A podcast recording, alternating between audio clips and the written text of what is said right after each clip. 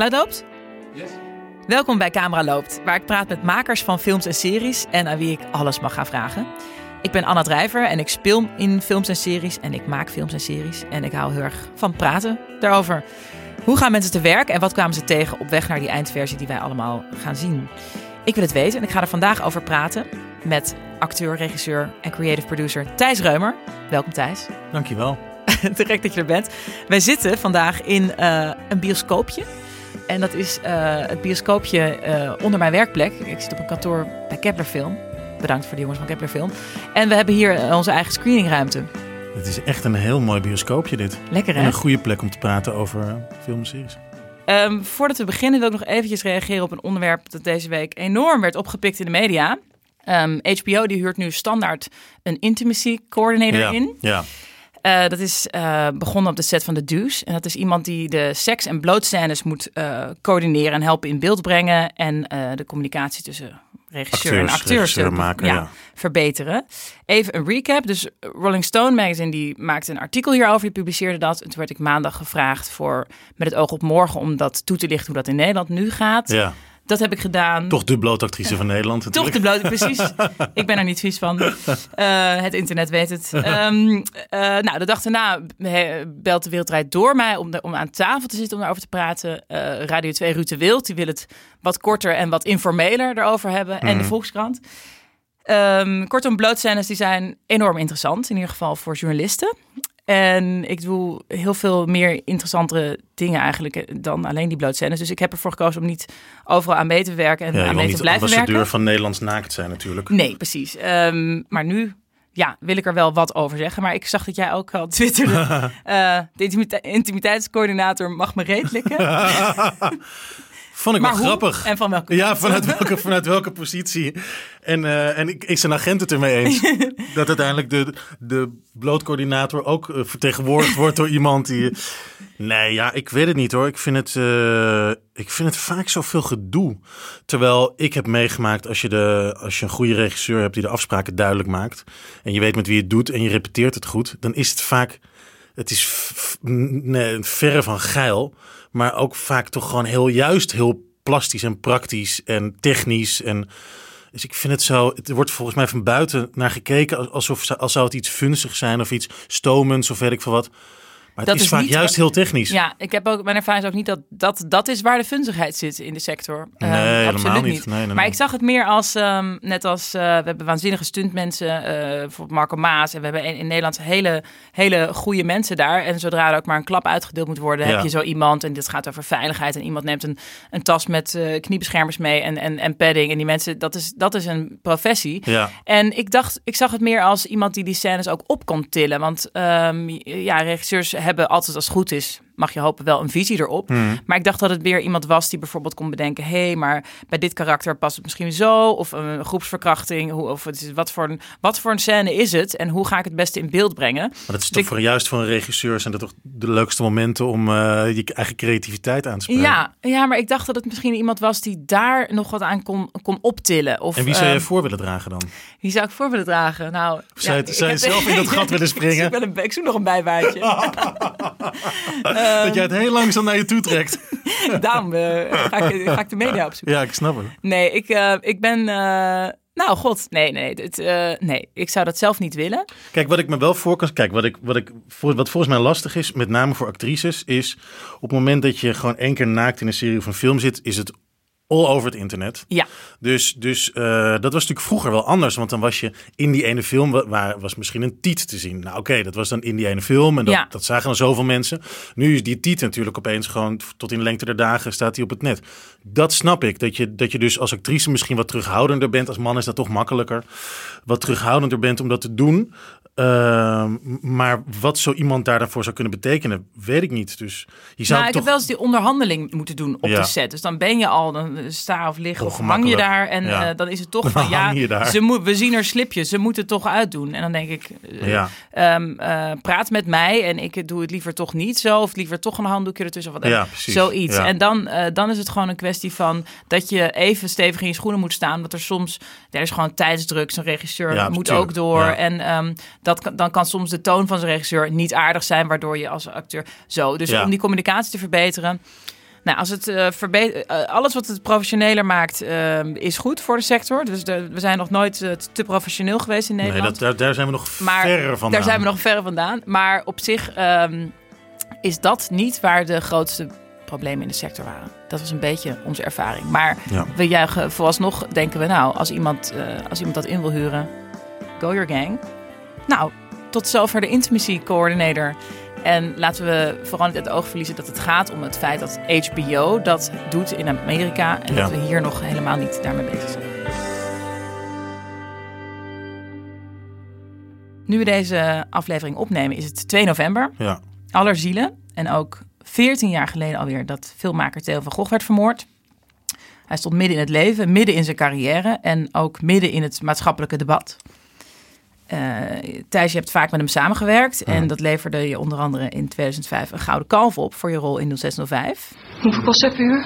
Nou, niet van die negatieve vibes, lieve, alsjeblieft. Dit is mijn kans om uh, iets te leren van jou over hoe Theo van Gogh te werk ging. En um, ja, je was volgens mij ook goede vrienden met hem. Ja, ja, klopt. Ja. ja.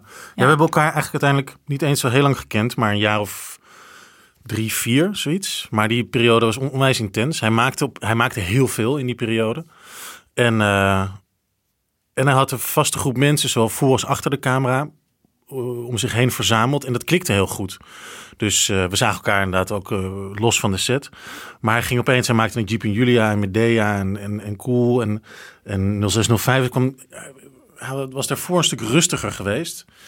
En hij was eigenlijk op zoek naar een nieuwe manier van werken. En toen kwam hij met die meer camera uh, dingen, wat, wat gewoon nog echt twee goede camera's en een handicam was ongeveer.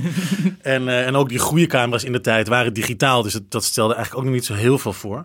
Maar hij kon opeens op een manier draaien uh, waardoor hij uh, snelheid in een dag kon leggen. En dat vond hij lekker, want hij verveelde zich nogal snel. Dus uh, bijna geen lichtteam en uh, drie camera's. En je kon scène twee, drie keer doen. Dan had hij hem in acht verschillende uh, hoeken gedraaid. Dus hij dan, eigenlijk net in een veel productievere fase ja. dan, dan ja, ja, ja, ja, en opeens zag je, zag je daardoor een manier om, om veel te draaien. Had ook veel ideeën. Die ideeën vielen ook allemaal. Die werden gefinancierd. Dus we hebben gewoon heel veel gedaan in een hele korte tijd. Ja. Dat was te gek. Ja, absoluut. En ik kwam net van school. Dus het was echt... ik had toen op school een paar dingen gedaan voor camera. Dat vond ik heel saai. Dus ik dacht, nou, je moet mij gewoon op het toneel zetten. Ja, dat vind ik echt. Ja, zo van plakkertje naar plakkertje, weet je wel. Oh, in, ja, ja. in, een soort saaie politieserie. Dus ik dacht, dit is niks voor mij. Want ik.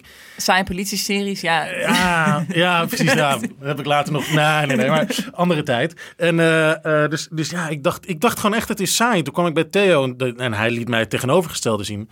Juist door die nieuwe manier van werken, die nu vrij normaal is. Twee, drie camera's, dat, dat, dat, dat, dat is best standaard bij, bij sommige series en films.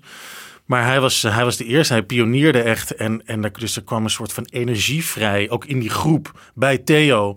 En dat, daar, daar sprong ik in. Dus die techniek kon eigenlijk zijn tempo eigenlijk voor het eerst bijhouden. Ja, hij vond voor het eerst zo'n draaidag leuk. En hij kon, hij kon dus tempo maken. En dat, dat eindeloze gezeik over licht wat hem niet interesseerde, dat was weg. Uh, want hij had eigenlijk gewoon, gewoon de gaffer uh, ja, gewoon eruit gesneden uit de begroting. En uh, dat zie je soms ook wel terug in het eindresultaat. Maar wat je ook met name ziet is, is een soort creativiteit en, en, en, en durf. En uh, zeker zo bij Najib en Julia en, en Medea. Ja, er zit een soort van kloten in. Ja. En dat, dat was echt wat hij ja, heel vond. Rauw en, ja. ja. En bestaand licht. En we ja. gewoon door een gang lopen. En af en toe is het donker. Wat nu eigenlijk uh, heel wat, veel mensen doen. Precies, ja. ja. Ja, toch was het tijd vooruit. En zo'n intimacy coördinator. Um, uh, uh, ja, ik ben ook wel benieuwd hoe hij, ja. hoe hij ermee om uh, zou, gegaan zou zijn. Ja. Er is ook één hardnekkig verhaal over hem... dat hij um, tijdens een, een blootscène een keer ook uit de kleren is gegaan... om oh, iedereen minder ja, ja, ongemakkelijk te laten worden. Ja, dat weet ik zeker dat dat waar is. Ja, ik heb zou het nooit gehoord. Word je daar minder ongemakkelijk van? Ik denk, ik zou, daar, ik zou daar heel ongemakkelijk van worden. Ik denk dat iedereen daar heel ongemakkelijk van werd. Maar ik denk dat hij dat wel weer aangenaam vond. Je kan ook nooit vergeten hoe iemand er bloot uitziet. Nee. Nee, nee, nee, nee, nee, nee, nee. Heb je dat ook niet? Dat kan je nooit dat, vergeten. Nee, dat blijft gewoon hangen, ja. Ja, maar ik geloof, ik geloof zeker dat hij dat zou hebben gedaan. Ik weet wel dat hij vond het ongemakkelijk, naaktscènes. Um, dus hij ging het ook wel liever uit de weg. En als hij het dan deed, dan kreeg je een soort van bravoer om dat ongemak een beetje te... Ja, ja te compenseren. Ja, precies. Ja, ja, ja. Maar... Um, ik denk dat hij de intimiteitscoördinator echt een hele harde schop van zijn set heeft gegeven. um, Ja, dat vind ik wel heel erg grappig. Ehm, nou, je hebt wel echt veel eh, met hem gewerkt in die korte tijd inderdaad. Wat voor een moment qua regieaanwijzing staat je het meest bij? Als je er nu aan terugdenkt. Nou, wat ik heel erg knap van hem vond, is dat hij, hij gaf zijn acteurs, maar sowieso de mensen met wie hij werkte, heel veel vertrouwen. En ehm, om je intuïtie te volgen, om jouw kijk op de rol, eh, eh, om dat pad te volgen. En ehm, dus hij zei eigenlijk, hij was heel goed in het, in het precies zeggen van, doe dat maar wel, dat wat later en, en dat niet. En dan liet hij weer gaan een take of twee takes of drie takes. En, eh, en als hij het dan goed vond, dan begon hij achter zijn monitor begon hij een beetje als een soort van varkentje te. Dus eigenlijk speelde ik altijd voor Theo in de hoop dat ik zou horen zo uit een hoek waar hij zichzelf met het, met het lijf ingepropt had, want hij wilde altijd dicht op de set zitten. Hoor, wilde je een soort van dat wilde je Dat hij, horen. dat hij een truffeltje gevonden Ja, had. ja, ja, precies. Ja. En soms zei echt, zei de, zag je de geluidsman eh, eh, Leo, die zag je echt zo. Theo, Theo. Zo. Is het Leo Stil. Eh, Frans? Ja, ja, ja, ja, ja, Frans, precies. Don Leo. En ehm, zoals hij werd genoemd.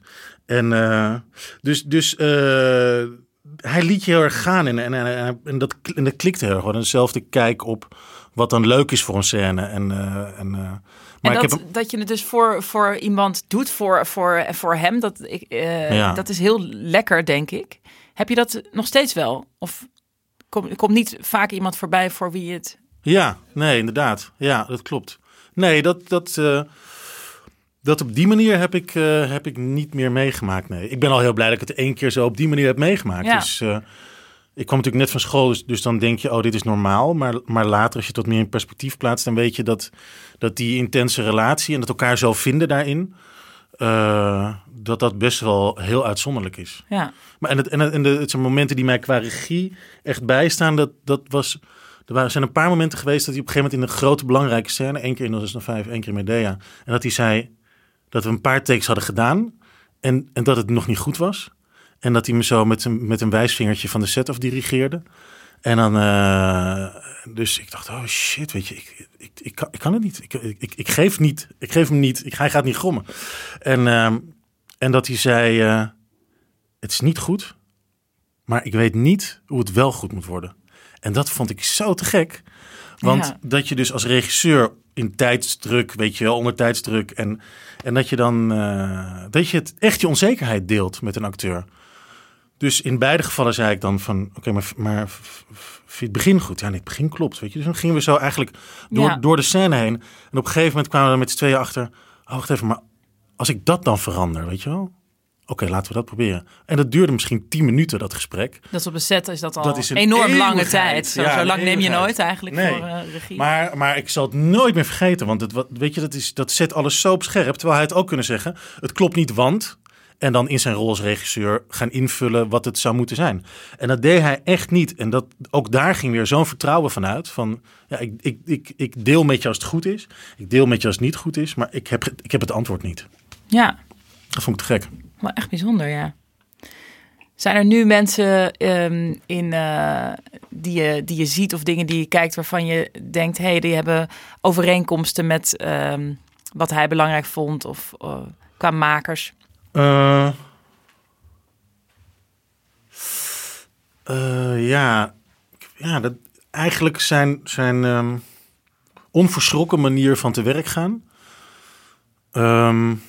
Kijk, natuurlijk zijn hele goede regisseurs die, die hun acteurs ook veel vertrouwen geven. En eh, ik heb onwijs go- goed gewerkt met Joram Luursen bijvoorbeeld. Dat vond ik echt te gek.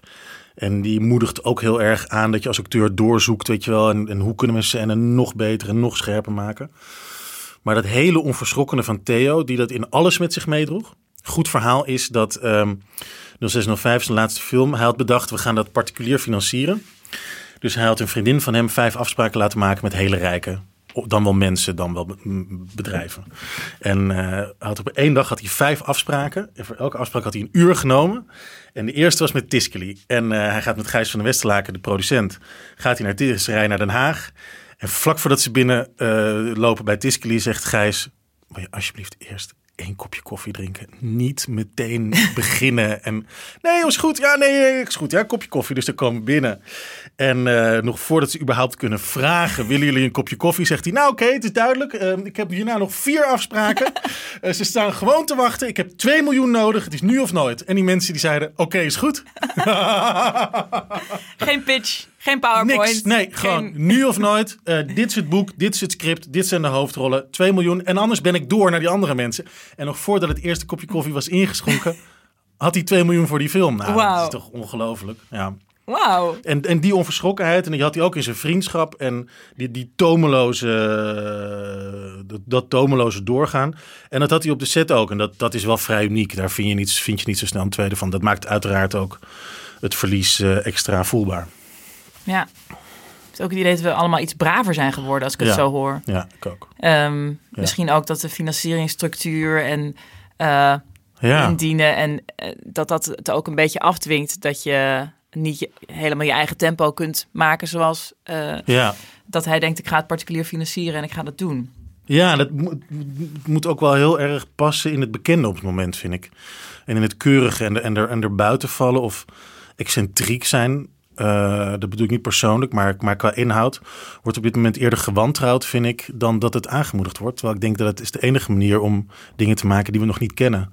Om Ja. verhalen te vertellen die we, weet je wel, die er echt uitschieten. Dat is op dit moment natuurlijk vrij schaal, schraal wat dat betreft, het aanbod. Je bent zelf daarna ook gaan regisseren, schrijven en, en produceren. Heeft het ook, heeft zijn dood dat ook in werking gezet? Ja, absoluut. Ja, ik ben het ook veel te snel gaan doen. Want eh, ik dacht, we moeten die groep die Theo bij elkaar heeft gevonden... en die, wat- zo klopte, die moeten we bij elkaar houden. Dus toen eh, heb ik gedacht, ja, dan gaan we gewoon een film maken. En dat werd het wapen van Gelderop. Wapen van Gelderop, ja. Je moet heel erg lachen Ja, hierom. ja nou, absoluut. Maar het, het- ja, god, ik kijk er met heel veel liefde op terug. Maar omdat ik snap, weet je, vanuit welke gedachte het gemaakt is, eh, is het is helemaal niet goed. Maar, maar ook gewoon, eh, dus ik dacht ook, oh ja, hoe je dat doet, is je loopt binnen bij mensen met geld en je zegt, ik heb zoveel geld nodig. Heb ik ook gedaan en ik kreeg het ook. Echt te gek. Als je daar dus blijkbaar niet aan twijfelt, Aan die, dan ja, gaan mensen mee in je Dus overtuiging. in de, de brani eh, Ja. en de, de liefde voor dat je dat project wil gaan doen, Absoluut. overtuigd. dus. Ja, zeker. En, eh, en ik had natuurlijk gewoon achter de camera en voor de camera precies dezelfde groep. Dus we hebben een wereldtijd gehad. En het is niet per se een wereldfilm geworden, maar, maar en het was ook veel te vroeg voor mij eigenlijk om die stap te zetten. Maar ik heb het geschreven, ik heb het geregisseerd, ik heb er de, een van de hoofdrollen in gespeeld. Ja, en ik heb me eigenlijk nooit aan getwijfeld of, dat, of, dat, Ja. of ik dat zou moeten doen of niet. Wauw, wauw. Ja, je kunt ook eh, eh, braaf eerst een, eh, een, een kort maken Ja, en ja. dan een. Ja. je kunt het ook Nee. weer opbouwen. Maar, Ja, nee, die route heeft me nooit, nooit zo erg geïnteresseerd eigenlijk. maar het, is, het is niet iets wat daardoor gekomen is. Het is iets wat, wat al. mm, Waar je, waar je vroeger al over nadacht, dacht je op de toneelschool al van ja, maar uiteindelijk. Nou, het is wel begonnen bij, bij Annette Speelt, het toneelgezelschap. Wat ik ben begonnen met een paar vrienden na, ehm, na de toneelschool. Toen, en we maakten al veel zelf. Ja, met Michel Sluismans Ja, heb je veel ja, geregisseerd Ja, samen. precies. En eh, dus we maakten al wel, maar dat had nooit zo'n naam. Want we gingen niet dan een stuk schrijven. Maar het moest wel al, dat je dacht, oh die scène, nou wacht maar, ik, die typ ik wel wel even. Dus, dus het maken en het schrijven een beetje zo gaandeweg. Dat ik leer, merkte wel dat ik dat leuk vond. Ja. En, eh, en het maken van een stuk en het snappen van het doorzien van een dramaturgie. eh, dat vond ik leuk. En, het, en ik voelde ook wel, daar heb ik wel iets in, in bij te dragen. En toen, en toen speelden we Othello s'avonds en het was een lange tournee. En toen ging ik me overdag een beetje vervelen. En toen is eigenlijk, ben ik gewoon het Wapen van Geld op gaan schrijven. En, en toen gingen we die dus ook opeens maken. En toen werd die afgemaakt, eh, terecht hoor. Maar, maar eh, toen dacht ik wel, ja, maar dit is wel echt te gek. En die groep heb ik niet bij elkaar kunnen houden, maar dat was ook veel te veel gevraagd. Dat kon ook niet. Dat draaide ook echt om hem, weet je wel. Hij was Ja. echt het stralend middelpunt ervan. Eh, dus, en ik snap dat we dat hebben geprobeerd en gewild. Maar en, het, en uiteindelijk heb ik wel toen bedacht van... oh, maar dat eh, het omzetten van een, van een idee naar eh, een idee op papier... en van een idee op papier naar een scenario... dat vind ik eigenlijk best leuke stappen om mezelf te doen. En ik heb heel veel ideeën, of het nou voor toneel, film of televisie is. En daarvoor dacht ik altijd, oh, dan moet je naar een schrijver... Maar die, die moet je dan weer, dat, dat idee moet je Verplaatsen, overdragen, ja, ja. verplaatsen. En dan gaat hij er iets van zichzelf maken, wat ook prima is. Maar dan moet er ook weer geld komen. Dus het was altijd zo moeilijk om, als het over film en televisie ging, om van een idee in mijn hoofd naar iets op papier te komen. Op een gegeven moment dacht ik, ja, dan ga ik het maar zelf proberen. En, en het is eigenlijk gaandeweg. En nu, ja, nu denk ik gewoon, ja, laat mij het maar schrijven. Hup, neemt hij alles aan. Ja, een hele, ja. hele stapel format.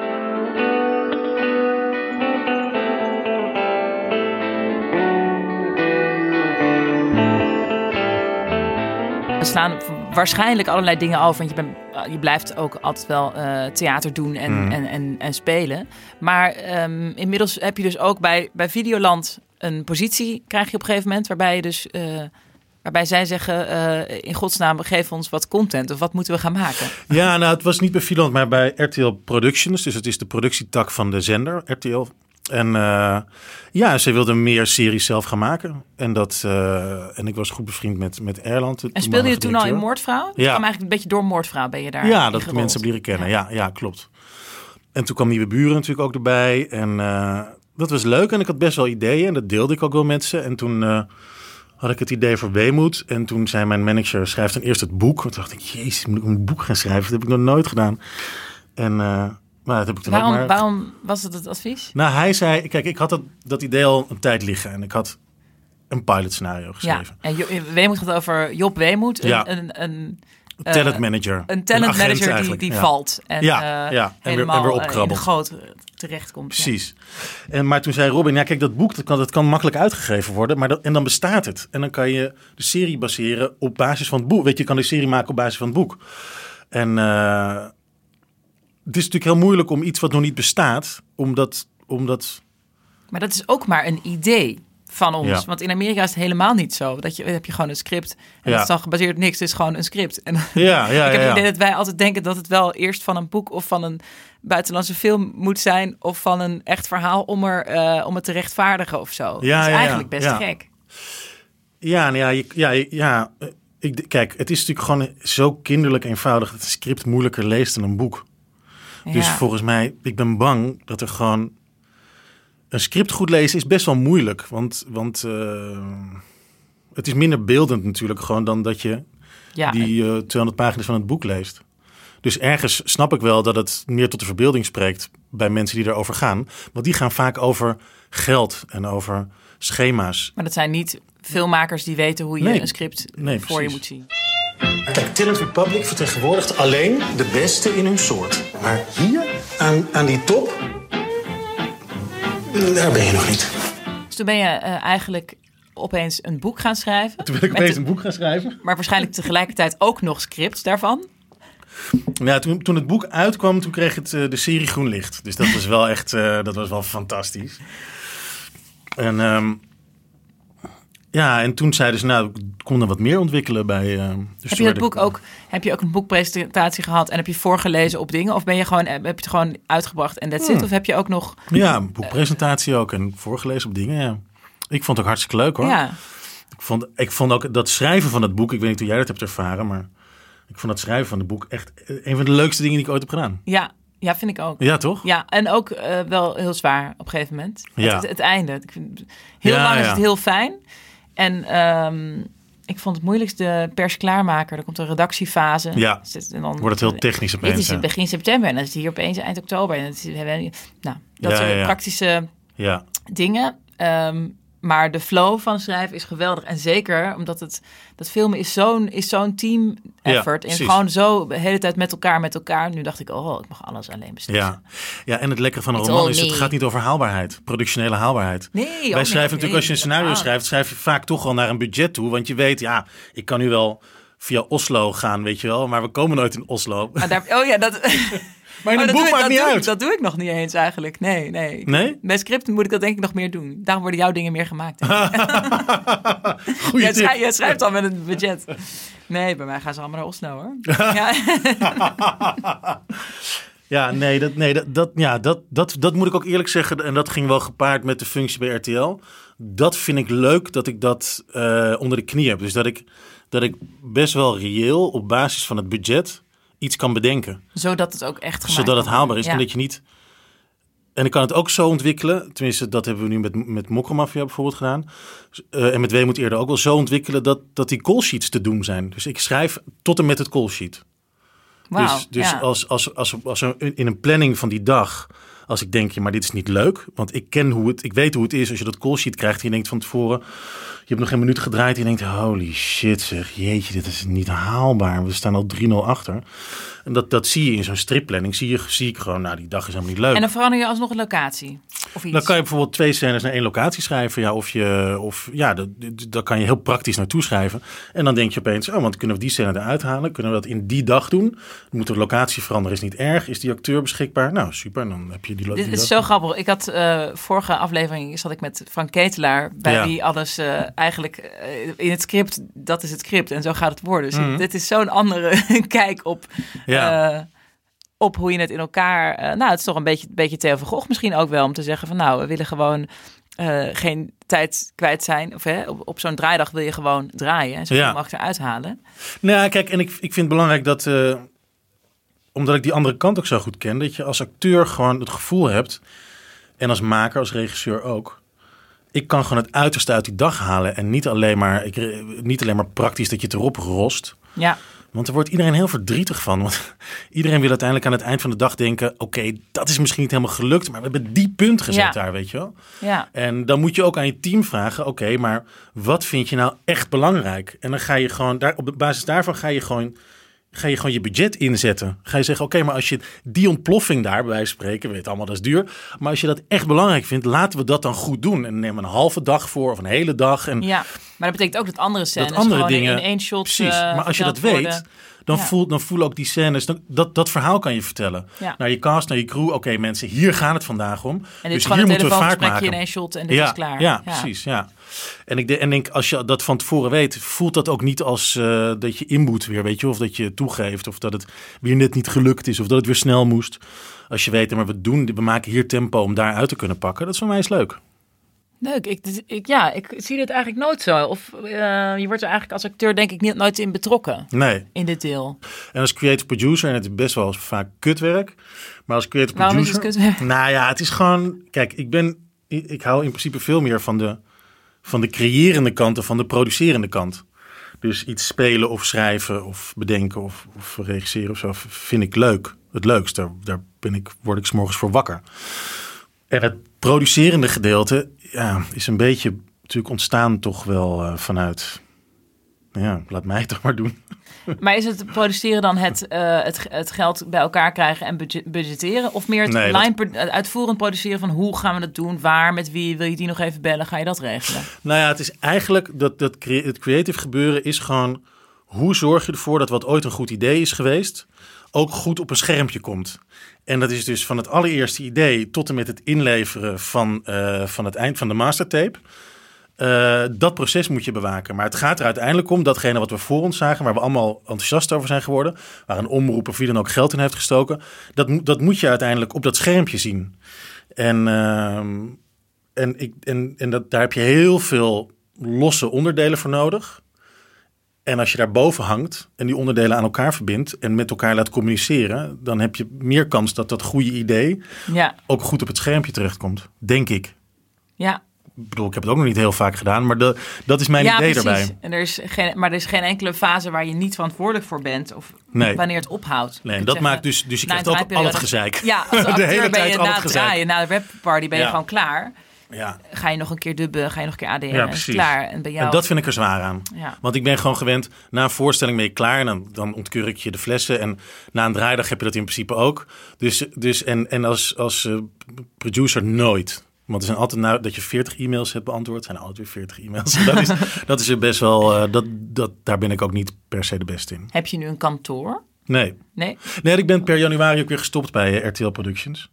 En dat heb ik 2,5 jaar gedaan. En, en om deze reden die ik net schets, ben ik daar ook gestopt. Omdat ik dacht, ja, ik vind dat wel incidenteel leuk om te doen, maar niet de hele tijd. Dan, daar ben ik gewoon niet geschikt voor. Per komende januari stop je daar? Of Per bent- afgelopen per januari. af- maar Mokka Mafia viel daar nog binnen? Ja, dat nog in de. Dat was jouw laatste project eigenlijk als creative producer in die vorm. Bij Productions, ja. Ja, klopt. En ehm, eh, nou, je speelde Job Weemoed en je hebt daaraan geschreven en ook ge, mede eh, opgezet. Ja, ook een paar afleveringen geregisseerd. Ook geregisseerd ook ja, nog. twee, Oké. ja. Ehm, Wauw, nou dat gaat dus over een, ehm een talentagent eh, Mhm. die eh, valt. Laten we even luisteren. Silence!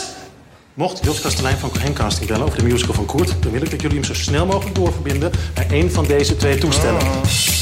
Is het eh, tijd voor een tweede seizoen met wat er allemaal kan gebeuren met eh, gevallen agenten? Ik zou zeggen van wel natuurlijk. Was er ooit sprake van? Was dat een wens van jou? Ja, tuurlijk, zeker. Ja.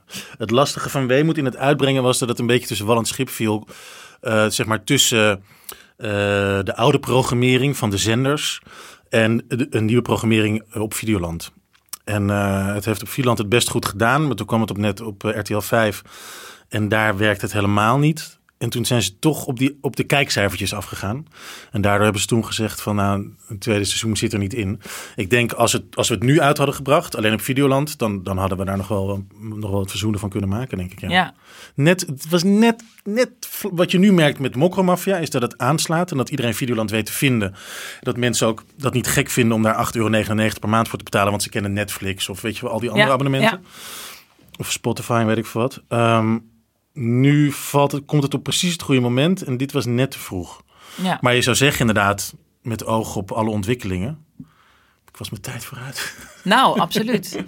Ehm, nee, maar ik, ik heb... Hij ik wordt heb ten, dat- ten, ten onrechte beschuldigd trouwens, hè? Ja, het, eh, Jo- ja, Job Weemoed heeft op een gegeven moment eh, in een dronken bui... Hij is er nogal onder Ja. invloed van van alles en nog wat. Heeft hij eh, eh, seks met een meisje. Nee, geen seks. Al dan niet. Eh, dat, dat claimt Ja, zij. Zij ja. beweert ver- eh, verkracht te zijn. Zij randt hem eerder aan dan andersom en zij zegt de volgende dag... Precies, dit is de, de versie. Dit is zeg maar wat, wat hem eh, ja, te lastig gelegd wordt. En waardoor zijn eh, carrière valt. Niemand er met hem werken. Ja. En hij ehm, ja, belandt in de goot. eh, Ja. En gaat in Frankrijk tot zichzelf komen. ja, is onderduikadres. Ja. Ja, nee, ik heb het weer even terug zitten kijken. Maar ik, ik vind het wel... Het is natuurlijk enorm in crowd. Dat is leuk voor Mhm. mij. Ik, ik, ik denk ook, oh, dit is daar, dit is daar. Ehm eh, Frederik Spicht, oh my Ja. god, in een hele, hele grappige... oh, Ja, we kennen haar allemaal als een, ja, Ja. we kennen haar allemaal als een rock and roll ehm, vrouw en zangeres. En hier speelt ze gewoon een hele eh, grappige rol, die ook wel op heel dramatisch wordt op het eind. Ja, ja. Ehm, dat vond ik, wel- ja, dat soort dingen. Ik vond het heel, heel mooi eigenlijk. Ik dacht van, nee, dit, dit- ik heb dit een beetje gemist of zo. Ik heb de eerste Ja. paar afleveringen gezien, maar ik dacht van, oh, dit is nu echt wel bizar om te kijken. Ehm, inderdaad, met de ontwikkelingen en met de Ja. gevallen mannen in de MeToo-beweging. ja, nee, zeker. Ja. Ja. En absoluut een open einde naar seizoen 2. dus, ja, dat is het pijn van de maker. Hè? Dat, ja, ik, ik- oh man, en ik had het seizoen 2 zeker door het draaien. Dat je op een gegeven moment merkt, hey, die combinatie werkt goed. Of dat karakter moet misschien net die afslag nemen. Dus ik had aan het einde van de draaiperiode, dacht ik, seizoen 2 schud ik echt uit mijn mouw. ja, Dat, ik- dat, dat, dat was ook gebeurd, denk ik. Ik kon dat namelijk heel snel schrijven. Want ik, eh, ik weet niet waarom, maar ik, ik hoorde gewoon Job zijn stem heel erg goed in mijn hoofd. En, eh, en de humor, zeg maar, die... Ik weet niet, het was allemaal een beetje wel gebaseerd op Californication, vond ik zelf. Qua soort afleveringen en qua wat sexy was of juist heel treurig en wat meestal hand in hand ging. En, eh, want bijvoorbeeld de laatste aflevering, die stelde ik de hele tijd uit. Dus ik had alle acht lagen klaar toen we gingen produceren. Eh, of eh, al een negen en dat moesten er tien worden. En van die laatste ik de hele tijd, ja, dat komt wel, ja, dat komt wel. Toen waren we aan het draaien en op een gegeven moment... En ik was breakdown van het volgende blok. Ja, dus echt de productie, echt Thijs, aflevering 10. En ik dacht alleen maar, ik heb nog helemaal niks. en eh, toen dacht ik, oké, ik heb een weekend, zaterdag en zondag. Ik had wel daarvoor al treatmentje geschreven, maar dat was meestal echt maar twee, drie pagina's. En toen, ehm, toen moest ik zondagavond op verzend drukken, aflevering 10. En ik ging zaterdagochtend zitten. En toen had ik, eh, dacht ik, het moet nu gebeuren. Ik was best wel moe, want ik was dus aan het produceren en aan het spelen en aan het, aan het regisseren. En toen eh, had ik aan het einde van zaterdag 24 dialoogpagina's getypt. Toen dacht ik, Dat is mee. ja, ik ga het halen. En toen ben ik zondag Ja. weer gaan zitten. En toen was mijn aflevering 50 pagina's. Dus ik moest nog zes pagina's schrappen ook nog eens. Ja, Wauw. ja dat was echt ongelooflijk. Dat, heb ik ook, dat was wel een Maar dat is ook keer hoor. eh, een van de extreemste pressure cookers die je Ja. beschrijft. Ja. Dat het En echt het is moet- best een goede aflevering geworden ook nog eens. Dus, dus ja, lekker Dus, eh, ja, lekker Ja, eitje, ja. nee, absoluut. Mokra Mafia, moeten we het ook over hebben. De Mhm. hit, het kwam zelfs voorbij al in deze podcast. Want het was namelijk mijn kijktip. En ik had het er vorige aflevering over met Frank Ketelaar. ja. Wat zei Frank daarover? Ehm, die moest nog beginnen. Ah. Die had het nog niet eh, bekeken. Nee. Ik heb al eh, gelezen in interviews dingen over dat uh, Achie dat boek aan het lezen was. Mhm. Ahmed Akabi, Mhm. dat jullie op de set zitten en dat je op die manier bij gekomen bent. Ja, ja. Ehm, dacht je gelijk van, ja, dit moet er komen? Of dacht je van, was het, eh, Ja, was het even zoeken? ja. Ik, eh, ik moet eerlijk zeggen, eh, ik, ik had het boek ook helemaal niet gelezen toen we die. eh, ik dacht meteen, oh, dat klinkt goed. Hm. Ahmed vertelde het mij en de rechten waren al weg, dat wisten we. Maar ik wist ook dat zo'n optierechten, die heb je meestal voor twee jaar. Het vroeg aan Ahmed, maar hoe lang denk je dan ongeveer dat ze die rechten hebben? Misschien een jaar of twee. Ja, ik denk wel zoiets. Want de eerste keer dat we het erover hadden met Ali B was dat zo'n twee jaar geleden. Dus toen dacht ik, nou, ga ik eens even informeren bij de schrijvers. En dat klopt, het liep af. En het was die, die partij gewoon niet gelukt om die serie van de grond te krijgen. En toen zei ik, nou ja, ik wil wel graag dan eh, een poging wagen. En, en dan moet ik jullie eerst inhoudelijk overtuigen. Want dat, dat was nog wel lastig. Hoe vertel je dit verhaal, zeg maar? Het is natuurlijk een hele... Hoe vertel je dit verhaal voor de toekomstige kijkers van Videoland, moet ik erbij zeggen. Want die maakt iets uiteindelijk toch voor een bepaald publiek. Een bepaalde, of het nou een omroep is of een bioscooppubliek of weet ik wat. Dus ik dacht van, we kunnen, we kunnen er niet een totaal documentair gedraaide van elke kleur, eh, weet je wel, eh, eh, alle kleuren weggehaald en documentaire stijl alleen maar in die mokro-wereld. Want ik denk dat ik dan de mensen van Videoland gewoon van me afduw. Dat het te duister zou worden. Ja. Het, ehm, Nou, duister is het wel, maar, maar wat de, de, de, de, de sleutel om het verhaal in te komen. En toen was het net, eh, was Narcos net een grote hit, het eerste seizoen. En zij deden dat zo heel lekker via de regisseurs. Dus een hele lekkere voice-over. Hij kon je precies inleiden in de tijd en de mensen. En als je even helemaal misselijk werd van die gasten in die drugscene... die de hele tijd maar kogels door hoofden van mensen schoten... dan kon je weer even terug naar die wereld van die regisseurs. Hij had een vriendin en een kind. En dan zie je even de menselijkheid. En de mensen die zo denken als wij, waar we ons een beetje mee kunnen identificeren.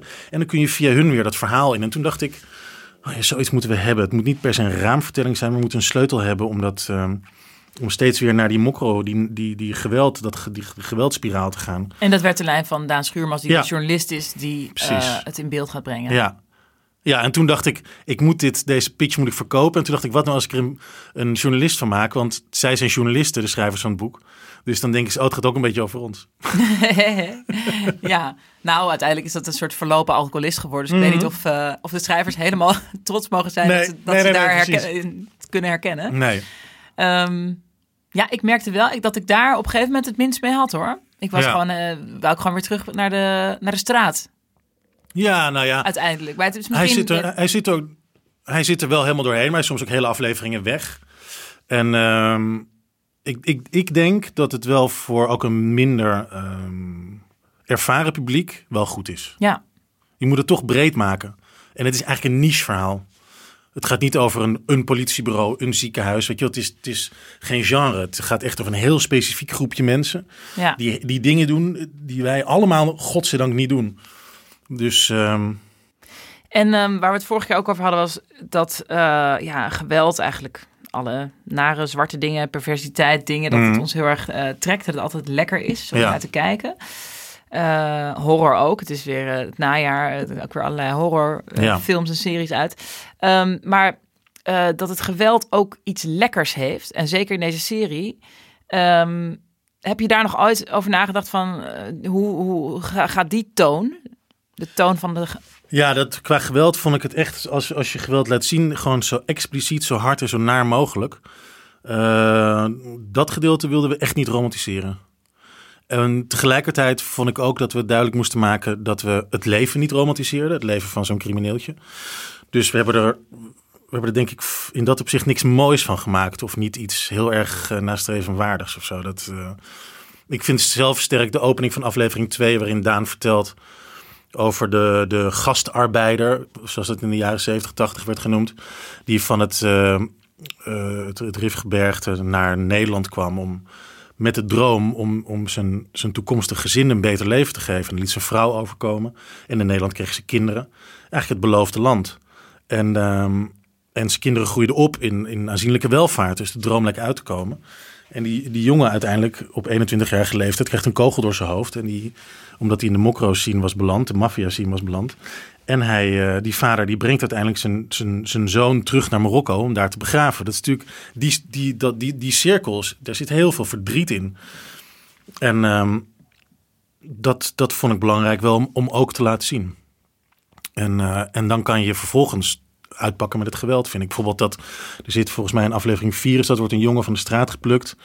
En die, eh, die wordt eh, met een strijkijzer eh, behandeld. Ja, ja, oh ja. En dat verhaal hadden wij gehoord. Dat is echt, echt gebeurd. Dus er was een, volgens mij een Nederlandse jongen. Die werd uiteindelijk in Madrid gepakt. Die werd in een geluiddicht busje gezet. En die is drie dagen over de ring van Madrid gereden. En bewerkt met een strijkijzer. En de man die dat doet, heet ook de strijker. Want hij doet dat vaker. En uiteindelijk heeft die jongen alles verteld wat hij me kon vertellen. Gewoon uit pure Uit gekte. marteling, ja. Ja. En is hij, eh, heeft hij vervolgens, tenminste dat is wat ik ervan gehoord heb, heeft hij vervolgens op een telefoontje te zien gekregen hoe zijn vriendin werd eh, verkracht en daarna vermoord. En daarna is hij zelf om het leven gebracht.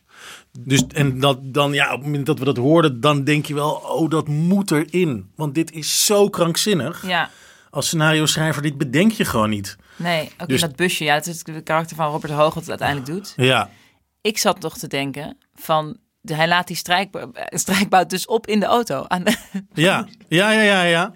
gewoon, ik dacht, hoe, hoe kom je die stroom dan? Nou, kijk, daarom wordt die strijkbout ook van, voor, van, van, eh, van, van de bijrijdersstoel Precies, dat- doorgegeven. Dat vond ik zo'n heerlijk detail. Want hij zit hier denkt, natuurlijk in die eh, aanstekeroplader. Ja, ja dat, vond ik, dat vond ik echt een heel cru eh, ding. Dat Ja. was van, ja, dit moet natuurlijk heel erg lang eh, daarop staan, op staan Ja, er zat volgens mij, ik, Walgelijk. ik, ik weet niet of we dat gedraaid hebben, maar in het scenario in ieder geval zat ook wel dat, eh, dat Tata, dus Robert de Hoog, die had hem gekocht. En die had nog een mediamarkttas en die geeft dan het bonnetje aan Ahmed. Dat vond ik ook zo goed. Het stoomstrijkijzer, gewoon de pure praktische handeling van ja, die gast moet wel naar die ja. mediamarkt eerst. Oh, ongelooflijk. Dat, dat zijn de deleted scenes. Dat, dus Ja. dat, dat in de mediamarkt Ja, ja, ja, precies. prijsvergelijking Ja, ja, ja, ja, ja. hebben van ja, deze, deze wordt heter. Deze, gaat, eh, deze heeft een andere stekker. Ongelooflijk. Ehm, maar ja, wordt het een, wordt het een Scarface? Wordt het een, een, een, een, een wereld waar mensen, die mensen gaat trekken? Wordt het iets... eh, Nee, ik, ja, ik zou zeggen van niet. Ik zou zeggen van niet. Tenminste, we hebben, ik heb echt op geen enkele manier gedacht... we maken iets cools in dat opzicht. Wel, we maken iets wat, wat, wat, wat lekker is om naar te kijken, maar niet... Maar we hebben die wereld volgens mij niet, eh, niet heel, heel aantrekkelijk gemaakt, vind ik. Maar misschien hadden de, hadden de, hadden de, had Brian De Palma dat ook wel toen hij Scarface maakte. Dat weet ik niet. Dat is natuurlijk wel is lekkerder, stoerder, epischer. Ja. Dit is toch een beetje treurig. En, en, en wat we ook graag wilden laten zien, eh, was dat het... eh, hoe begin je een oorlog eh, als je dat niet kent, als je er geen ervaring mee hebt? Weet je, die, dat begin van wat, wat in het echt in 2012 was. Dus eh, twee groepjes die in principe in vrede coexisteren en gewoon geld verdienen. Daar breekt pleuris uit omdat de een de ander ript. En, en opeens gaan ze met AK-47's op elkaar inschieten. En wordt, wordt een vriendin van iemand doodgeschoten. En dus het, het ontploft in één keer. Maar dat is niet een oorlog waar ze ervaring mee hadden. En dat vond ik ook leuk om te laten zien. Weet je wel, van ja, hoe doe je dit? En mm, willen we dit eigenlijk wel? Een deel natuurlijk helemaal niet. Die wil Ja. het niet. Die wil gewoon geld verdienen. Je hebt volgens mij best in het script ehm, best veel tijd genomen. Of zo voelde in ieder geval om te kijken voor de eerste... Eigenlijk de eerste dat het misgaat. De eerste eh, ontploffing in de auto uiteindelijk. Mhm, Ja. Ja, een ploffing in de auto is wel, dat is wel aflevering 1. Maar toen wij het gingen schrijven, was er net van, van Netflix een onderzoek gekomen dat ehm, mensen beslissen, zijn Netflix, na aflevering 3 of ze doorkijken. Dus toen dachten wij, oké, dus eigenlijk het exposé is drie afleveringen. En je moet wel aan het einde, ik bedoel, zit niet voor niets aan het einde van aflevering 1 zit wel echt die, hè, die hele heftige aanslag op die zwangere vriendin van een van die jongens. Wat Dus- een heerlijke actrice was dat. Ja, Ja, heerlijk. ja, daar was ik ook heel blij mee. ben ja. jij betrokken bij casting ook geweest? Ja, tuurlijk. Al alles, ja. ja? nee, sterker nog, dat is, dat is als creative ongeveer eh, ja, de belangrijkste stem heb je daarin. Ja, Leuk ja nee, zeker. Dat zijn we, daar zijn we echt weken. Ook bijvoorbeeld om Muis, eh, gespeeld door Oussama. Ja, je wilde gewoon echt een 16-jarig jochie van de straat. En niet iemand die al de jeugdtheaterschool doorlopen.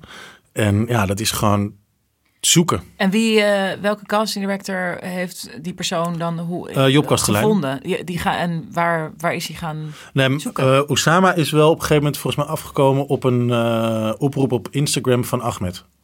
Oké, Dus, dus Ahmed Gabi gebruikt gewoon zijn eigen kanalen ja, om mensen op te Meld je, roepen. ja, bij Kemna. En, dan, en, en daar is hij uiteindelijk op afgekomen, ja. Maar hij is al vier keer terug geweest, geloof ik. En heb je veel mensen gezien voor die rol? Heel veel. Ja. Een van de, eigenlijk de belangrijkste lijn qua eh van Ja. onderwereld karakters die je volgt. Ja, ja dus, dus Muis is. Muis is, eh, vond ik echt gek in het schrijfproces. Die, het karakter heeft zich de serie ingevochten. Dat gebeurt gewoon soms. Dat, dat een, een karakter opeens zich aan je opdringt op een goede manier. Terwijl Muis was wel een belangrijke. Het was een belangrijke bijrol eigenlijk. Dus je ziet hoe een jochie die 15, 16 is. Hij gaat net niet lekker op school, maar hij zit prima op school. Het is een slimme jongen. Eh, zijn neef is er wel een gangstertje, maar dat Zus en vader zijn op zich eh, Vader goed. perfect, Ja. zus eh, super slim, is aan het studeren. Wel zijn moeder kwijtgeraakt, dus er zit wel een instabiliteit in dat gezin. Maar in principe is er, hoeft er niks aan de hand te zijn. En, en bij Muis zie je dat het, hoe het gedurende het eerste seizoen, ja, hoe je het gewoon, hoe je gewoon, hoe die gewoon tussen je vingers doorglipt. En dat, is- dat is denk ik heel herkenbaar voor heel veel mensen die dat hebben meegemaakt. Dat je denkt, het was echt niet dat ik niet oplette. Weet je wel, die vader die is er gewoon de hele tijd. Die neemt ook maatregelen. Er is een Ze houden op een gegeven interventie. moment houden ze hem heel st- eh, strak. Ja. dacht hij, moet, hij moet een baantje als afwasser, wordt opgehaald. Hij mag niet meer de deur Ja. uit. Hij mag alleen nog met zijn met zijn zus naar de McDonald's. Ja, that's it. maar hij heeft geproefd aan, en dat is aflevering 1, geproefd aan dat je gewoon voor even een 10 minuten een scootertje rijden, ik geloof 2500 euro kan krijgen. En, en dat geld, die school kan er niet tegenop. Die vader kan er niet tegenop, blijkbaar. Er, er ligt gewoon, ligt gewoon een fortuin op zijn kussentje in zijn jongenskamer. En gaat er dan kleding van kopen ook. Hele, Ja. hele dure Ja, spullen. Ja. En dan geeft hij ook de man van de kledingwinkel geeft hij 50 piek. Ja. Wat ik dan ook een goed detail van denk ik, Ja. wie doet dat nou weer? ook, ook een teken van, ja, je, je weet gewoon niet eh, wat je daarmee aan... Je hebt die waarde helemaal niet. Nee. Van eh, als je afwasser... eh, ik ben ook afwasser geweest, hè. ja. Maar dat je dan de waarde gewoon hoe hard je moet werken voor geld, dat heeft hij, daar heeft dat zit helemaal verkeerd. Maar ik vond het ook wel, ja, ik vond het zelf, ik vond het echt de meest ontroerende lijn, omdat Ja. ik ook dacht van, ja, met z'n allen, weet je, met z'n allen laten we dus eh, jongens zoals Muis, Ja. die, die laten we er inderdaad eh, gewoon vallen. beetje. ja. Ja, ja, zeker, ja. Maar ik moet eerlijk zeggen, daarvoor zit ook nog wel een met z'n allen moment, hoor. Want, want die jongens die dus in 2012 eh, toch al bandetjes waren geworden, die zijn daarvoor, weet je wel, zeg maar eeuwwisseling. Toen kwam eh, de kut Marokkanen kwamen, kwamen toen, weet je wel, dat was gewoon normaal om het erover te hebben. Die werden gewoon uitgekotst. En die gingen op straat hangen. En die werden, werden aangezien voor, eh, voor criminelen. En die hebben op een gegeven moment gedacht, tenminste dat is mijn, mijn lezing. Die hebben gedacht, nou ja, als jullie mij toch als crimineel zien, kan ik er beter eentje worden. Want dan verdien ik tenminste ook gewoon een Prada-tasje mee, weet je wel. Ja, ja. En eh, dus die waren zo uitgekotst en die hebben gewoon hun eigen samen maatschappijtje, verdienmodel ook gemaakt. En er werd ze geen strobreed in de weg gelegd. En dus ook dat is van ons. En het zit dus ik. eigenlijk iets eerder al. Ja, Het is meer, ehm, je zegt dat het dus de, hè, de in het echte, echte mokro-maffia meer ook ontstaan is. ehm, nog eerder dat we eigenlijk geen goede, eh, als, als maatschappij, geen, geen goede plek hebben gegeven. Nee, precies. Geen Het goede kansen hebben het is geboden. eh, sociale self-fulfilling prophecy geworden. Dus die kut Marokkanen zijn toch wel criminelen. Nou ja, en zie wat er gebeurt. Waarmee ik niet wil zeggen dat elke Marokkaan... Maar ik bedoel, zo is wel die, wat wij nu kennen als mokro-maffia... is wel op die manier tot stand gekomen. En wij kunnen zeggen, ja, dat is hun schuld. En er is geen eh, zelfreinigend eh, eh, Ja, of- in, in die of- maatschappij of in, in hun... Of een gezinsstructuur Ja. anders. Ja, ja, maar en, en, en alles is ook wel waar. Maar ook waar is dat het onze ontwikkeling is van onze stad en ons land. Dus dat, dat zijn we met z'n allen. En, ik- en ik vind dat Muis daar, inderdaad, dat, dat, dat ben ik met je eens, die staat daar symbool voor. Ja. ja. En seizoen 2, nou, je kan, je kan er vast nog niks over zeggen. Kan je er iets over zeggen? Nee, dat er, dat er geïnformeerd wordt of het tot de mogelijkheden behoort van de makers. Daar Nou, is het. Ehm, dat, dat boeit ook verder niet of, het, eh, of we nu horen of het zelf niet doorgaat. Maar ehm, dat eh, schrijf je ook weer of ga je produceren? Of hoe, hoe zie je daar jouw rol in? Ja, nou ja, als we doorgaan, dan, dan zouden we wel op dezelfde voet graag door willen gaan. Dus dan, eh, dan zouden Ahmed en ik weer de treatments schrijven. En dan gaan die treatments naar scenaristen. Oscar van Woensel heeft meegeschreven, Ja, zag en ik. Ashar Medina. Ja. En, eh, en die maken dan zeg drie versies. En dan maken wij nog versie 4 en 5. En 4 is dan op inhoud en, en dialoog. En 5 is dus de versie, eh, dus dan, dan wordt het al, dus 4 wordt al gebreakdownd. En vijf is wat jij zegt over die call sheet. Ja. Haalbaarheid. Ja, meeste ja. uithalen. Ja, dat is zeg maar het kutwerk, maar, maar wel heel belangrijk. Ja. Leuk hoor. Eh, maar dat doe je dan, dat ga je nog wel doen. Het is Ja. niet zo omdat je niet meer ehm, op deze manier die, fun- die functie hebt bij RTL, dat je dat niet doet. Nee, nee, het ligt wel. Ik zou dat wel graag willen doen. Ze, en ze willen ook wel graag dat ik dat ga doen als het allemaal doorgaat.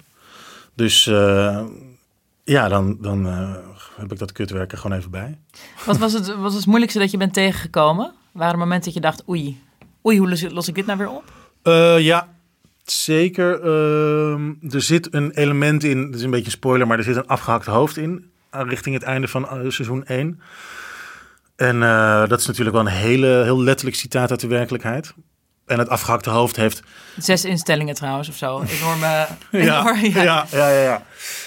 En daar kwam op een gegeven moment was, kwam de onzekerheid uit cast en crew van... Moeten we dat wel doen? Is dat niet te letterlijk? Te letterlijk zoals het in de Ja. werkelijkheid is gegaan. Ja, terwijl het is helemaal niet... Ik bedoel, dat hoofd lag voor een shisha-lounge en dat was... Dus de, de lijn is helemaal niet, maar het, het element, het afgehakte hoofd... Ja. Ja, er is natuurlijk maar één afgehakte Omdat, hoofd omdat ooit het te, geweest. te, te grof was? Of omdat nee, omdat het te letterlijk linkt naar of wijst naar de echte... omdat er een familie is die ook Ja. dat heeft meegemaakt. Ja, precies. En toen, toen dacht ik wel, toen dacht ik ja, dat snap ik. Ik vind zelf, ik, ik wil daar niet voor buigen. Ehm, dus ik vond dat we het moesten doen. Maar ik dacht ook, ik kan eh, die, de, die wereld, die eh, maatschappij ook moeilijker inschatten. En de gevoeligheden. Dat heb ik wel heel erg geleerd van Theo van Gogh. Kijk, ik vind toen hij Submission maakte voor Ayaan Hirsi Ali, kon hij niet inschatten wat het effect zou zijn op iemand als Mohammed B. Zij wel, want zij kent die cultuur. Ja. Eh, ik vind dat, dat hij daarin te onverschrokken is geweest. En dat zij hem ook, en dat heeft ze later ook een keer in een interview gezegd, dat ze hem eigenlijk beter had moeten inlichten. Omdat hij vanuit zijn referentiekader dat Ja, hij denkt, ja, dat moet toch weten. kunnen, man. Flikker op, Jezus. Ja, God, eh, tekst uit de Koran op een naakt vrouwenlichaam. Eh, en ja, het Misschien had hij de om- profeet. Omdat hij het zelf eh, had kunnen incasseren. Als in, hij was er Ja. niet vies van om conflicten aan te Nee, gaan. Om precies. mensen te zeggen. En dan of denkt om hij, in deze maatschappij moet dat kunnen.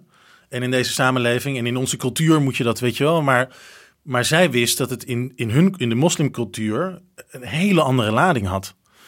Of dat had ze kunnen weten, dat zal ze hebben geweten. Daarom wilde ze het waarschijnlijk ook doen. En eh, dat hij uiteindelijk daardoor eh, met een doorgesneden keel op 2 november eh, op de Linnéestraat lag, is natuurlijk wel heel. En, en eigenlijk werd gebruikt als een soort van prikbord naar haar toe. Is natuurlijk wel heel erg intens verdrietig.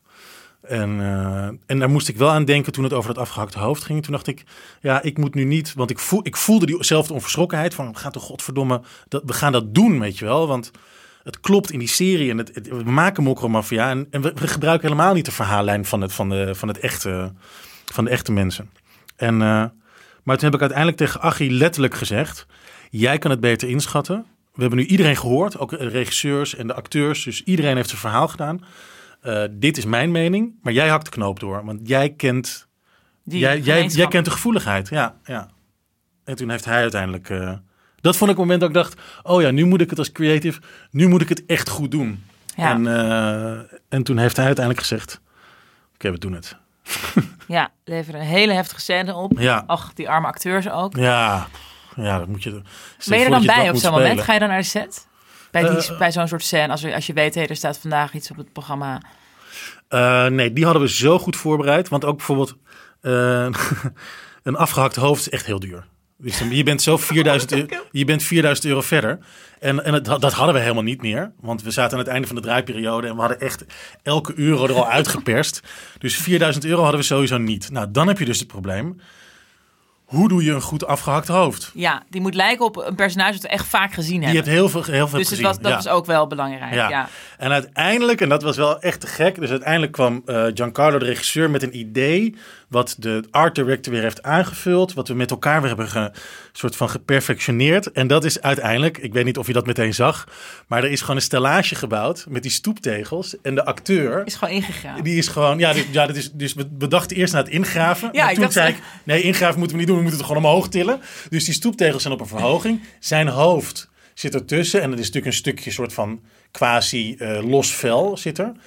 En, eh, maar dat werkt, vind ik, echt Ja. Fantastisch. Dat, dacht want het nephoofd zal hem- nooit zo goed zijn geweest. Precies. Ik dacht wel, het is hem. Ja, Maar ik dacht, ik denk aan iets ingegravens. Als op ja, ja. ja, ja. Oh, oh, wat goed om te weten dit. Maar inderdaad, en, en dan daar, ik bedoel, de, de acteur, ik ben op dit moment even zijn naam kwijt, maar die, die de vader speelt, die, eh, die had helemaal niet zoveel acteerervaring.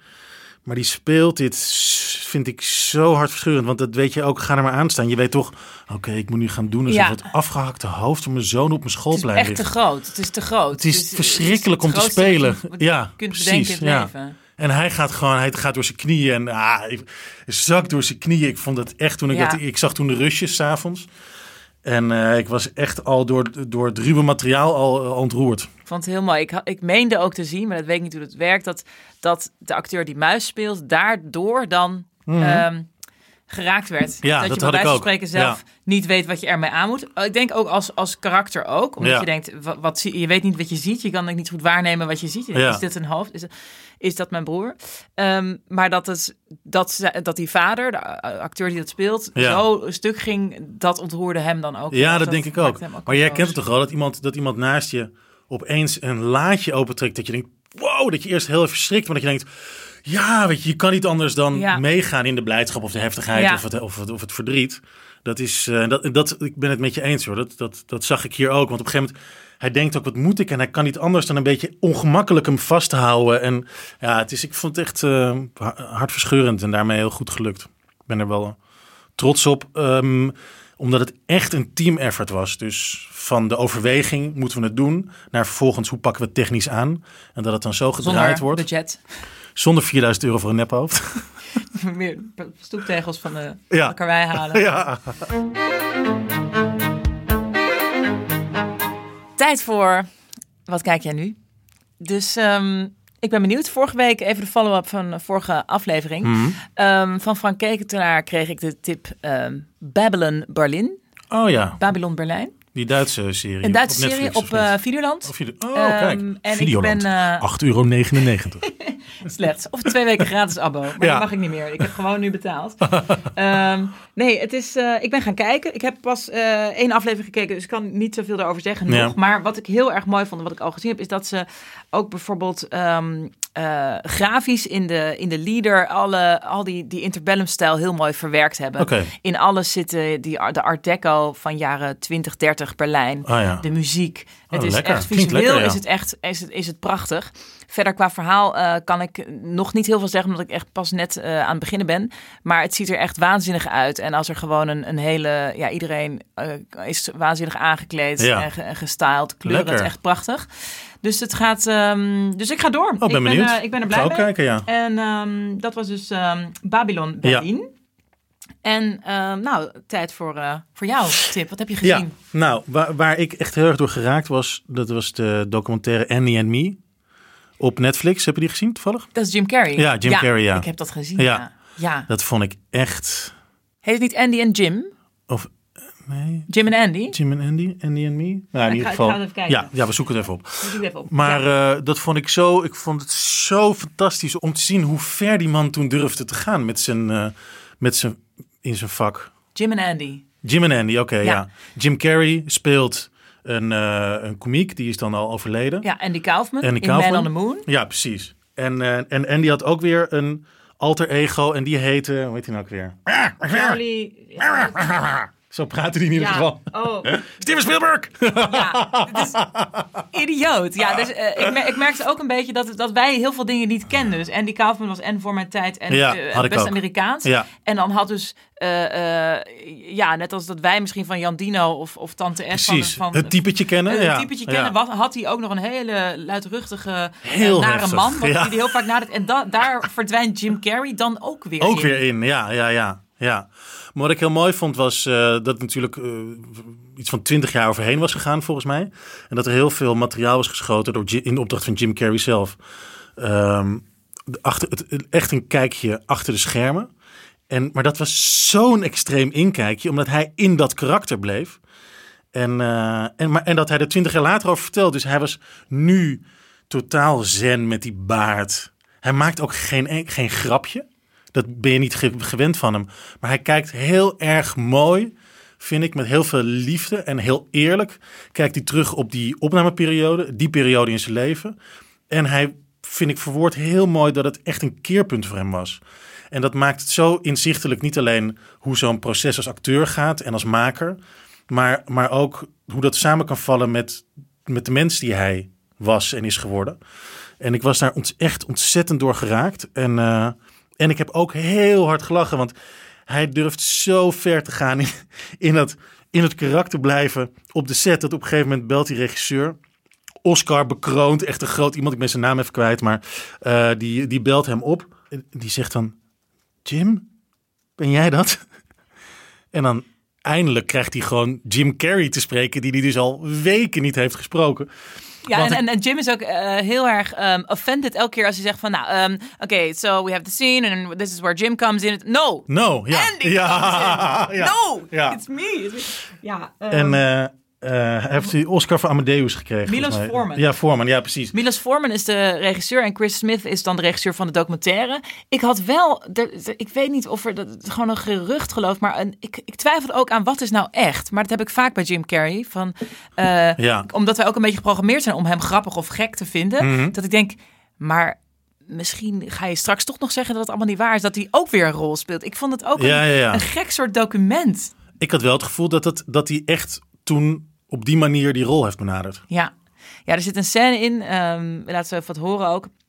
Uh, ook een scène in dat hij bij de make-up, dus met, het, ja. met de acteur die zijn vader speelt, een soort, een soort echt een ruzie heeft. Ja. Een soort vader-zoon conflict. Ja, ja, ja, ja, ja zeker. En, en die mensen van de make-up, die, die, ja, die blijven maar door, doorpoederen. Licht maar, gegeneerd allemaal, ja. ja. Maar wat ik heel mooi vond, is dat je op een gegeven moment aan het eind van de draaiperiode, uh, de, de komiek gaat dus, die, die wordt heel erg ziek en die gaat dood.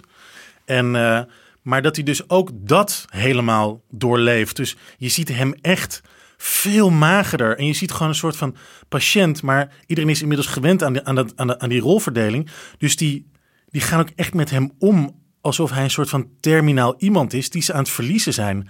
Nou, dat vond ik echt. Dus uiteindelijk heeft hij toch dat hele proces naar zijn hand weten te zetten. Dat vond ik echt ja. bijna poëtisch.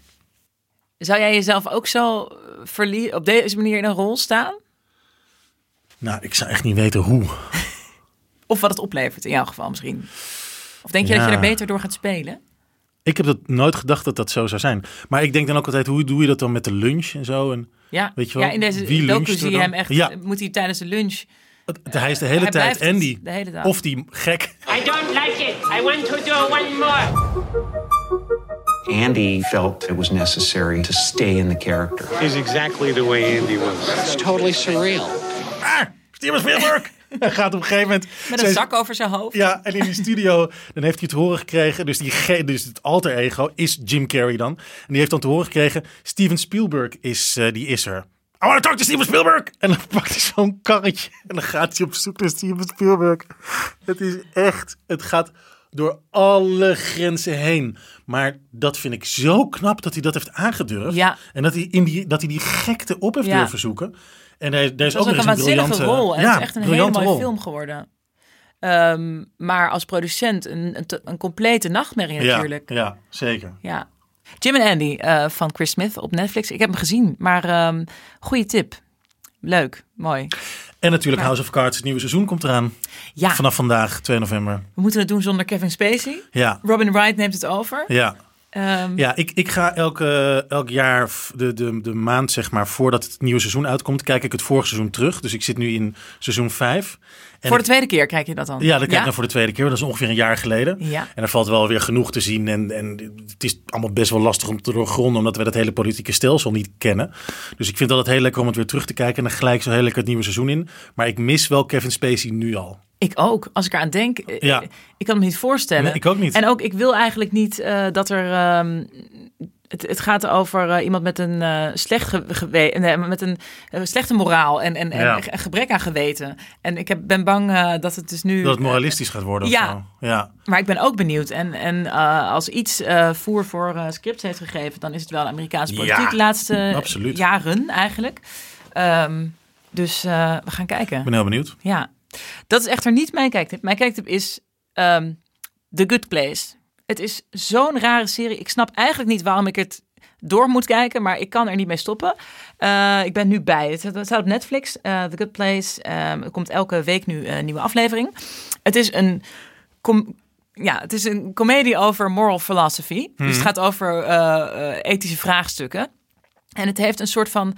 eh je hebt in Dick Trom gespeeld van Arne Toon. Het heeft een beetje die eh, suikerspinachtige kleuren. Het is een soort. Heeft, het heeft iets heel. ehm, ja, iets heel plats en lelijks. Maar het is ook eh, heerlijk, heerlijke karakters. Het gaat over het personage van Kirsten Bell. Die belandt. die, die sterft op een hele lullige manier voor de supermarkt. Ze, is- ze is ook echt een, een klootzakje. Haar hele leven is ze een heel onaardige vrouw. En bij de supermarkt is ze iemand die iets verkoopt, iets voor het goed doel doet, is aan het uitkafferen. En dan valt ze haar ehm, one eh, voor één, één persoons mix voor thuis margaritas maken, Ja. valt uit haar handen. Ja. Dat probeert ze op te rapen. Dan wordt ze door een rij winkelwagentjes. eh, eh, nou, ze wordt ze komt aan haar einde. Ze komt in de hemel. Dat heet The Good Place. I wasn't a lawyer. There's been a big mistake. I'm not supposed to be here. Het gaat over hemel en hel en, Ja. en over eh, wanneer je daar komt en wat nou eigenlijk marteling is en wat nou goed leven is. Oh ja. En er zijn een aantal karakters om haar heen. En het is Het heerlijk. is heel geestig, toch? Het is echt heel geestig. Ja. En eh, het zijn heerlijke karakters. Maar ik, ik, ik had helemaal niet gedacht dat ik dit leuk zou vin- vinden. Maar ik vind het echt, eh, ik, vind het echt heerlijk om te zien. Ja, mijn zus Nienke zei dat laatst ook tegen me inderdaad. Die zei ook, ik, ik- je weet niet precies wat het is. Het is heel gek, maar je blijft maar doorgaan. Ja, het is ook een beetje ja, af en toe houterig of groot. Oh. Maar ehm, het is toch leuk dat je met moral philosophy bezig bent. En dat ze ook zeggen, van één persoon is, is hoogleraar in moral philosophy. En zegt toen, oh, dat zijn ook de ergste mensen, de meest vermoeiende mensen ter wereld zijn hoogleraar in moral philosophy. Ja, ja. Want, oh mijn god, Ja. wat, wat, alles is namelijk alles. Mensen kunnen niet kiezen. Het is namelijk ah, of dit of dit. Eh, ethische dingen, vraagstukken gaan er over zoveel aspecten. Hmm. Dat er niet goed of slecht, maar dat er zijn ziljard Ja, eh, factoren die meewerken. Ja, Heerlijke serie van Michael Schur. Ga het kijken leuk. als je, Ga eh, tip. als je zin hebt. Ja.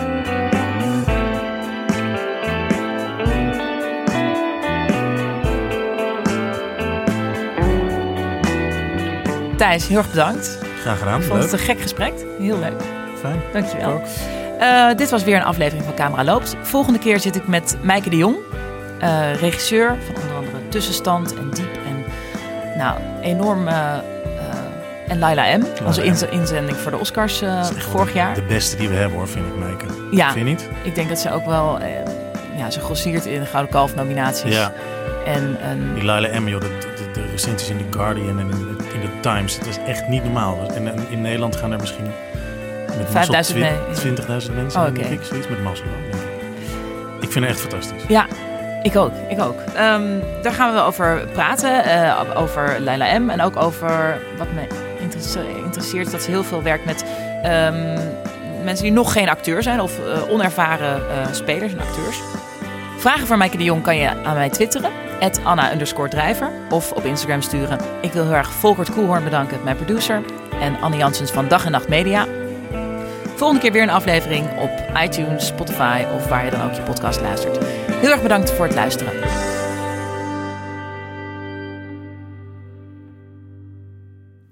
En we zijn gestopt.